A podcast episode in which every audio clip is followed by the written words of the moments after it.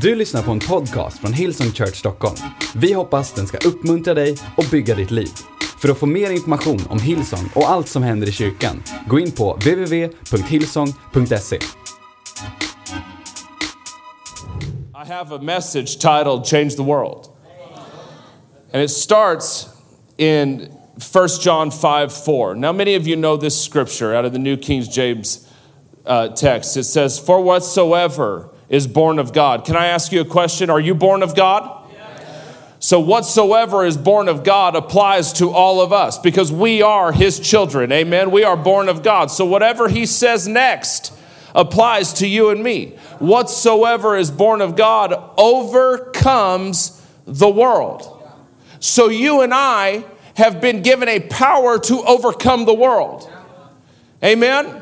Let me remind you in Genesis 1, when man created Adam and Eve, he said, You have dominion over this world. And in the New Testament, he said, You have been put here on this earth to overcome the world. I just want to tell you, if you don't know this, the world has no control over you, the world has no power over you. Satan has no place in your life. He cannot defeat you, he cannot rob you. The Bible says he goes around like a lion. He is not a lion. There is one lion in the Bible, and that is the lion of the tribe of Judah, and his name is Jesus Christ, and he reigns victorious over this earth. He went into the devil's home and robbed him of the power that he could have over his children. And you now carry that power, for whatsoever is born of this world overcomes the world, and this is the victory that overcomes the world our faith. So we have been given the faith of God, Romans 5 says. We have all been given the measure of faith to do what? To overcome the world. There is nothing the world can bring against us that can overcome us if we are operating in our faith. And what is faith? Second Corinthians 4:13 says that faith is believing and speaking. Believing and speaking. It's not just believing, it's also speaking it. Right out of the abundance of the heart, the mouth speaks. So whatever I believe, I speak. Amen. If I'm living in fear, guess what fear is? Fear is believing and speaking. Faith and fear are the same things, they're just pointed in opposite directions. Faith is believing and speaking the things of God, fear is believing and speaking the things of the world. But faith overcomes fear because the power behind faith overcame the power behind the world. Amen? So we see here that we are put here to overcome the world, but then Jesus spoke something in Matthew 5. And I just want to take you through it verse by verse. Check this out Matthew 5, verse 13. It says, You are the salt of the earth the salt of the earth. Now, if you know us Niemans, we know you know that we love to look up definitions. If you know the Old Testament was translated from Hebrew to English, and then the New Testament was translated from Greek to English. So a lot of the words um, have evolved over, over time, and a lot of the words were not translated 100% correctly. So we love to quote these scriptures, right? You're the salt of the earth, you're the light of the world but then we need to know what they really mean to us. So that phrase, salt of the earth, listen, it means this it means to circulate amongst the people to influence them. So you and I, as children of God, have been given faith to circulate amongst the earth in the world with our cousins, with our coworkers, with our classmates, with our family. I love that story how he led his whole family to Christ. So we are put here not on accident. We are put here on purpose to circulate throughout society to influence them. Influence them to what? Into our world. We are not to go into the world to be influenced by the world. We have been given a power and an authority to bring them into our world. But then it means, or it says, and we influence them through our doctrine. What is our doctrine? Well, our doctrine's our faith. But it didn't stop there. It says, we influence them through our doctrine and our example. And that's really the key. See, it's not enough to say we have faith, but then our lives aren't an example of the faith we say we have. Amen? We all know this. Words without action really mean nothing. I don't think it's an accident that a few scriptures later, Jesus starts talking about the hypocrites. Right? In chapter 6, it's all about the hypocrites, that they say one thing, but they do another. And I don't know about you, but if there is one thing I don't want Jesus to describe my life as, I don't want him to describe my life as the Christian hypocrite. I don't want that. There's a lot of things I would like Jesus to say about me, but hypocrite is not one of them.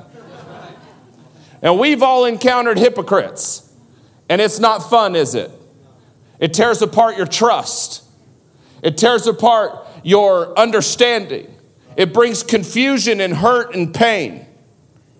And Jesus, right here in the greatest sermon ever spoken, the Sermon on the Mount, starts off by saying, It's not enough to just have faith. If we're going to influence the world, we need to have faith, our doctrine, but we also need to lead by example.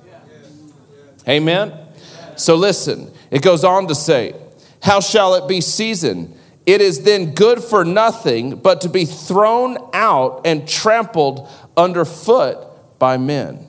You are the light of the world. That word light means to shine, it means not to be dull. It means, listen, to be dispensers of moral goodness. So it says, go and shine your light. What good is our faith if we're afraid to use it? What good is our faith if we go out into the world and we see someone who doesn't agree with us, or maybe is living a way that we're not totally comfortable with, or that we don't even understand? But what good is our faith if we're afraid of the world?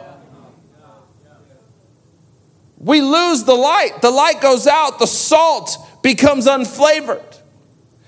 So I love to work out, I love to exercise, and I work out with this guy in El Paso. He's a real influencer. And he influences the nightclub scene, the party scene. He's a promoter, he owns numerous bars. And, and to tell you the truth, I've known him for years, but now I know him. We have connected. And I work out with a, a CFO of one of, the, of one of the biggest companies in the city and a bunch of other guys, entrepreneurs and young guys that are just making things happen. And I'm there, and, and, and this guy's kind of the leader of that group. And to tell you the truth, he's a pretty ungodly guy. And his life has been filled with a lot of things that the Bible has pretty strong adjectives to describe. And I've been around him now for a few, well, a few months. And I view my purpose to being around him that I'm going to influence him. See, have you ever thought of why you're at the gym? Have you ever thought of why you're in that classroom? Have you ever thought, have you ever wondered why you're at that business? Have you ever wondered why your boss put you on that team? Have you ever wondered why you started the business and not someone else? See, so often we go through life kind of aimlessly. But you are where you are on purpose. And the purpose is that you are there to influence the people around you, to bring them into your world, not for them to take you into their world. And for the last six, nine months while I've been working out with this guy, I've just stood there as the pastor, and he knows what I do. And I stand there, and I am determined that no matter what they talk about, number one, I'm not going to be afraid of it and go hide in the corner. But I'm also not going to participate. When they start talking about the drugs and the alcohol and the women, I'm not going to laugh about it. But I'm also not going to go hide. And you know what? I'm going to talk about church. Because if they're going to talk about what they do, then I'm going to talk about what I do. And this guy, who for so many years has been ungodly, about four months ago, he sends me a DM on Instagram. Hey, man, I really need someone to talk to. And I'm like, boy, you don't even get it. You don't even get why we work out together. You don't understand that I'm in the process of getting you born again. Now, it might take some time, it might take a lot of time. I'm sowing a lot of seeds in that guy's life. But I will tell you, in the last three months, he's come to church four times. Now, he doesn't understand it. He kind of, I see them, I see him in the crowd, he's like,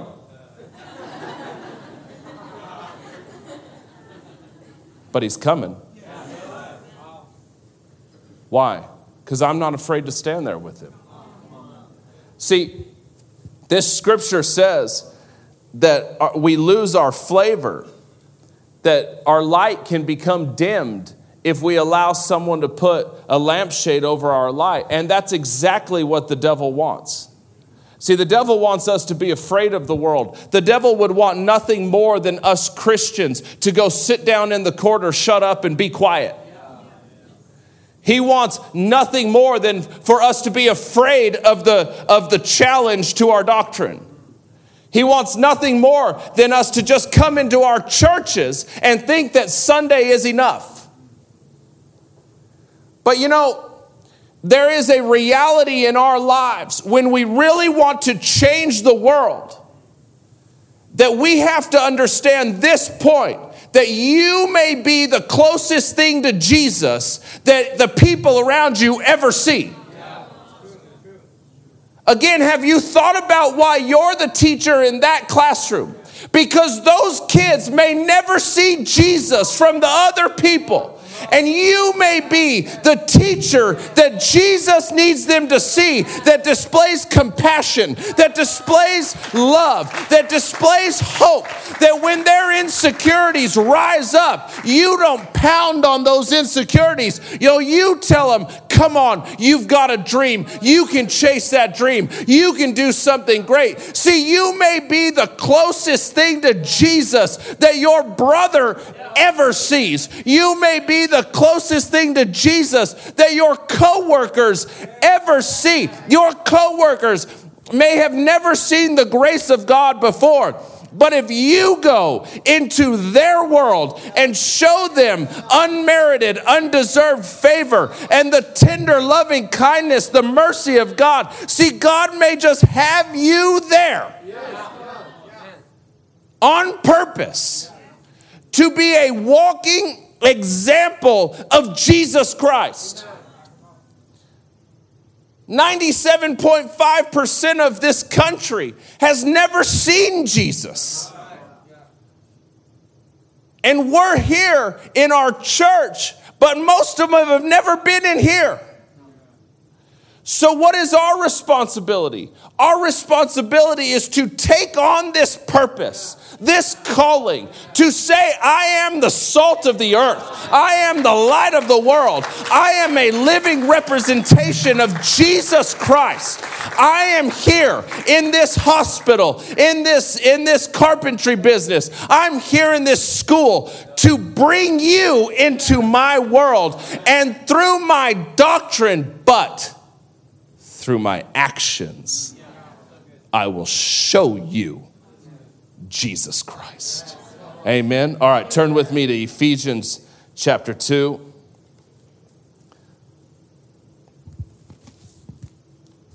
Are you glad you came to church?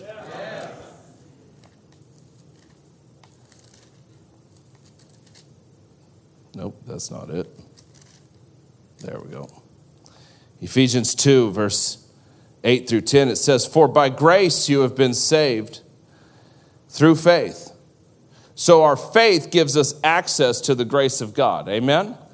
Amen. But then look what it says, and that not of yourselves, it is a gift, not of works, lest anyone should boast. For we are his workmanship, created in Christ Jesus for good works. What are we to be? Dispensers of moral goodness. Amen. So our faith has been given to us. We have been brought into the kingdom of God for what? For good works. Amen to do what? To go into the world and to display good works. That phrase, good works, means good deeds. It means to be useful. It means to have corresponding action. It means to be profitable. You know, I think that our faith should be profitable to society. I think we've had enough Christians spewing judgment and condemnation onto society. And what has happened is that our society has rejected us because they don't need more judgment and condemnation. They're getting that from the inside of themselves. They don't need Christians saying, oh, God loves you, but also God is going to judge you. See, if Jesus said, I did not come to judge or to condemn the world, but to save the world, then who are we as Christians to then judge and condemn the world? He said to go into the world and influence them through good works. And our faith should be profitable. Our faith should bring something of profit to someone else.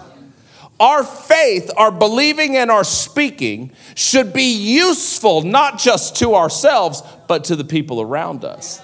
Man, if we want to change the world, we need to change our world. How are we going to change the world if we can't change the place we work at? How are we going to change the world if we can't be an example for our parents? How are we going to, oh, Jesus, let me change the world? And we're not even showing our kids Christ.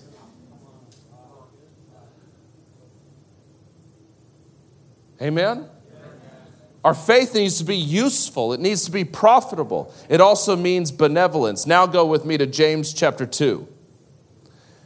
I love the book of James. It's honestly one of my favorite books in the Bible. I love every chapter of it. I think it's spectacular. If you don't know, this book was written by Jesus' half brother. So, how many of you know if anybody knows Jesus, it was him? You know what I'm saying? Like he grew up with him, it's his brother. He knew him before we knew him, you know, in the story. He knew him while Joseph was working on wood. You know what I mean? So let's look at these amazing scriptures. James chapter 2, verse 14 says, What does it profit, my, profit, my brethren, if someone says he has faith but does not have works? Can faith save him? What does it profit? So we see that word profit again. It means profitable. That word works means the same thing as we saw in Ephesians. It says, What does it profit? So, what use is it if a man says he has faith but does not have corresponding action? Does not have benevolence? What use is it? Can it save him, it says? Verse 17. It says, Thus also faith by itself, if it does not have works, is dead. In the literal text, it means it's a mockery. It's a mockery. Now, isn't that a challenging statement? See, claiming faith is not sufficient. Claiming it's not enough. Profession of faith does not mean possession of faith. See, claiming it is not enough if your life doesn't live up to the faith we say we have. Here's a question for you Have you ever thought about what the gap between the God you serve and the life you represent is? Now, all of us have a gap because Jesus is perfect and we're not. So, even the most holy of holies, will have a gap. Even the mother dove has a gap. It's very small. But everybody has a gap because we're not perfect. But just think about this. What is the gap between the Lord we say we serve and the life we actually represent? See, the, the more you close the gap, the more influence you'll have on the world. See, I live my life challenged by this one thought. I want to live my life that the people around me who may not know me, who may not talk to me on a regular basis, who may not be close to me, I live my life with this prayer in mind that they will look upon my life and know that something was different. That they will see me and listen, when I was when I should have been broken, I wasn't broken. When I should have been lost, I found a way. When I should have been hurting and defeated, I was restored. When I should have been depressed, I found a peace that surpassed all understanding. See, I want people to look upon my life and say to themselves, what is it that Jared has that I don't have? What is it that he's doing that I'm not doing? And of course, the answer is Jesus Christ. Back to my friend at the gym. A couple weeks ago, we're out for a jog. And he just stops. And I'm like, what happened? He goes, Can I just ask you something? I said, Sure. He said, You always seem so at peace. And I was like, I got something to say.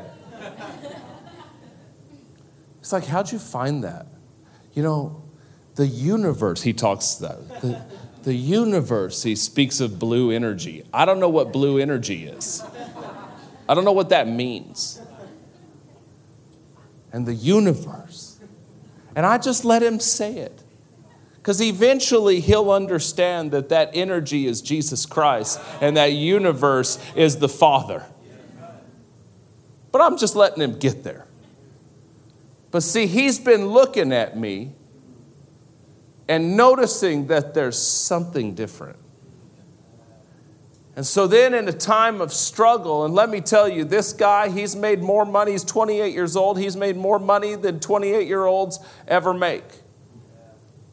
He's had every drug, drank every drink, had more sex than most people have in their entire lifetime. He's traveled the world, he's been there and done that. You know what I'm saying?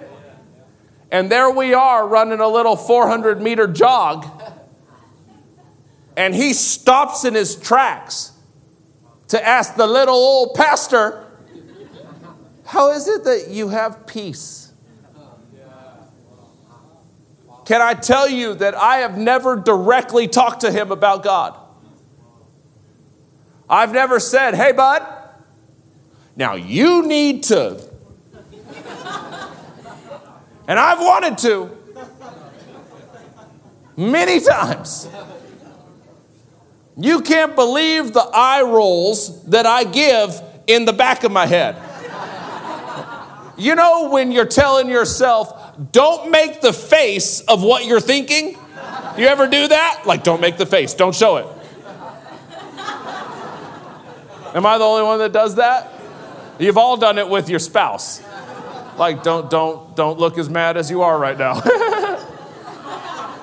I love you, babe.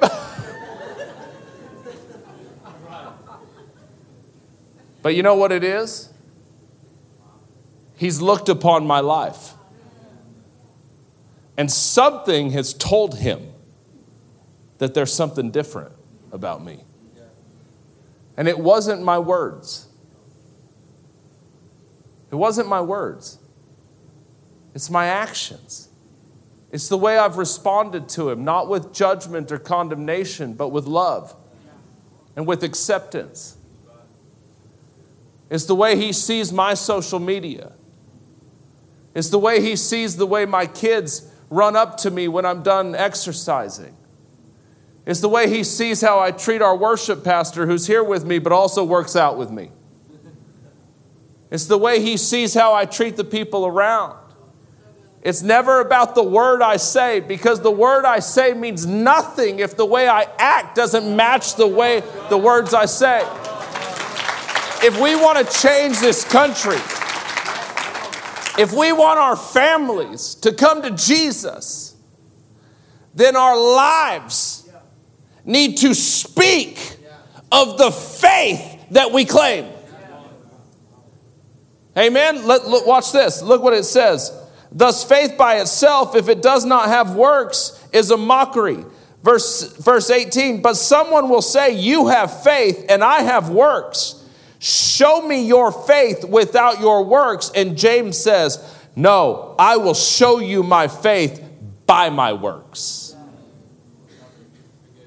See, what good is it for a man to say he has faith, but then he shows no grace? No mercy, no compassion, no love for the poor.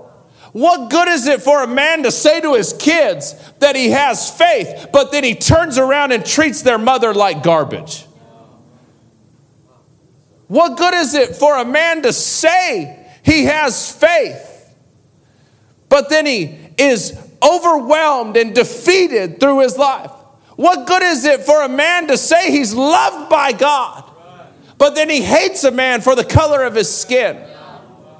What good is it for a man to say he has faith and to say that because of my faith, my sins are forgiven? Oh, but I'm not real comfortable with yours. I don't really understand yours. Said, Oh, I think you've done too much. Well, thank God nobody treated you that way when you first came to church. What good is that faith? It's a mockery. It's, a, it's dead. And that is exactly what's happened to Christianity. For too long, we have proclaimed faith, but we have not shown faith. For too long, we have worshiped on Sunday and acted like the devil Monday through Saturday. For too long, we have stood on the sidelines and pointed out the problems without ever offering a solution. I mean, what good is it to say we have faith, but then when we see someone in poverty, we do nothing to help, or even worse, we make fun of them? What good is it to say that I have the mind of Christ, but then we're going through society and we see somebody who has a mental illness and we don't do anything. We don't pray for them, or like even like I said about poverty, we make fun of them. We give no hope. See, that faith is a mockery. It's dead. And we'll never change our society if we don't get our lives in line with the words we speak. Check out what, the, what it goes on to say. It says, I will show you my faith by my works. You believe that there is one God, and you do well. Even the demons believe. Whoa. And what good's that doing them? You know that the devil believes in God, right? Actually, can I tell you something? The devil believes in God more than you do. You know that, right? Like they were roommates.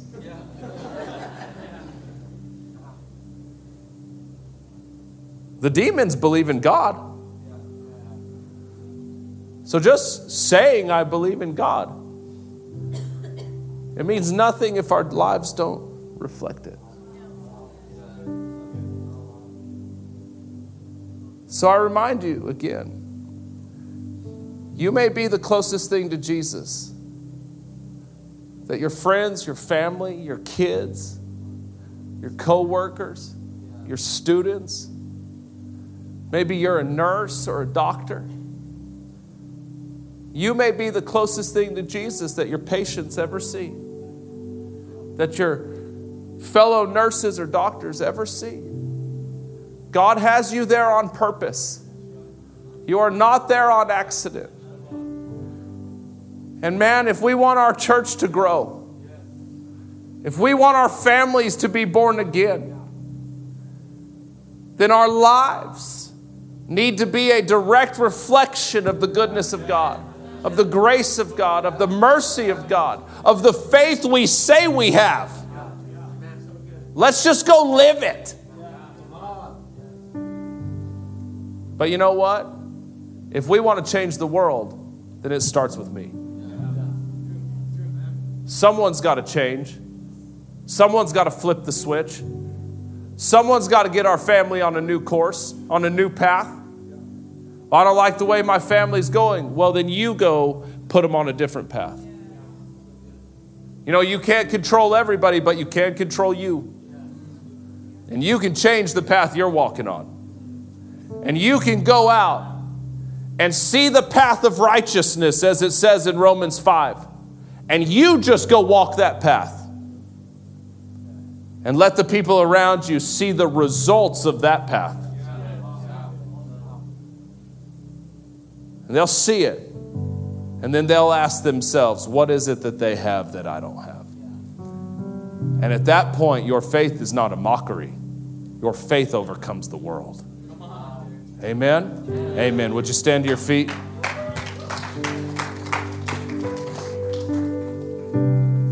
Bow your heads, close your eyes. You know, maybe you're here today and you don't have a relationship with God. Did you know that you could? Did you know that you should? Did you know that everything God has done from the very first moment of time until this moment right here right now at 12:15 in Stockholm, Sweden on a beautiful Sunday morning was done and designed for you to have a relationship with him. Not religion. Man started religion. God just wants to have a relationship with you. And it's a relationship designed to make your life better. To make it better in the natural and in the supernatural. What do I mean by that? God wants you to have a great life while you're here on earth. Jesus said that He came to give you life and give it to you more abundantly. I don't have time to explain all that to you, but I can simply tell you that the abundant life is an amazing life. It's a life filled with love, joy, peace, and happiness. A life of hope and faith and forgiveness. A life of victory, purpose, and destiny. A life of fulfillment and calling. And God wants you to have that life, and you can have it starting today. But more importantly, God wants you to have eternal life with Him in heaven. And see, when you choose to have a relationship with Him by making Jesus Lord of your life, the Bible says that you are accepted into His family and you will stay there for eternity. If you were to die today, where would you go? Do you know the answer to that question? If you don't know the answer to the question, you can answer it today by making Jesus Lord of your life, and you will be part of His family. And when your time here is up, you will spend eternity in heaven. And I'll tell you that that alone makes this choice the most important choice you will ever make in your life the choice to make Jesus your Savior. So, in a moment, we're going to pray a prayer, and I'm going to invite you to pray this prayer with me. I'll give you the words, you'll give it the meaning. And at the end of the prayer, you'll be a child of God. You'll be born again. You'll be part of God's family. All your sins will be forgiven. Your past, along with the shame, the regret, and the guilt, will be washed away and forgotten by God. Or maybe you're here and at some point you had a relationship with God, but you disconnected, you turned away for whatever reason. Can I tell you that the reason doesn't matter? The only thing that matters is that you're here today. And I believe the very reason you're here is for this moment. The worship was great, the prayer was great, the teaching, I hope, was great.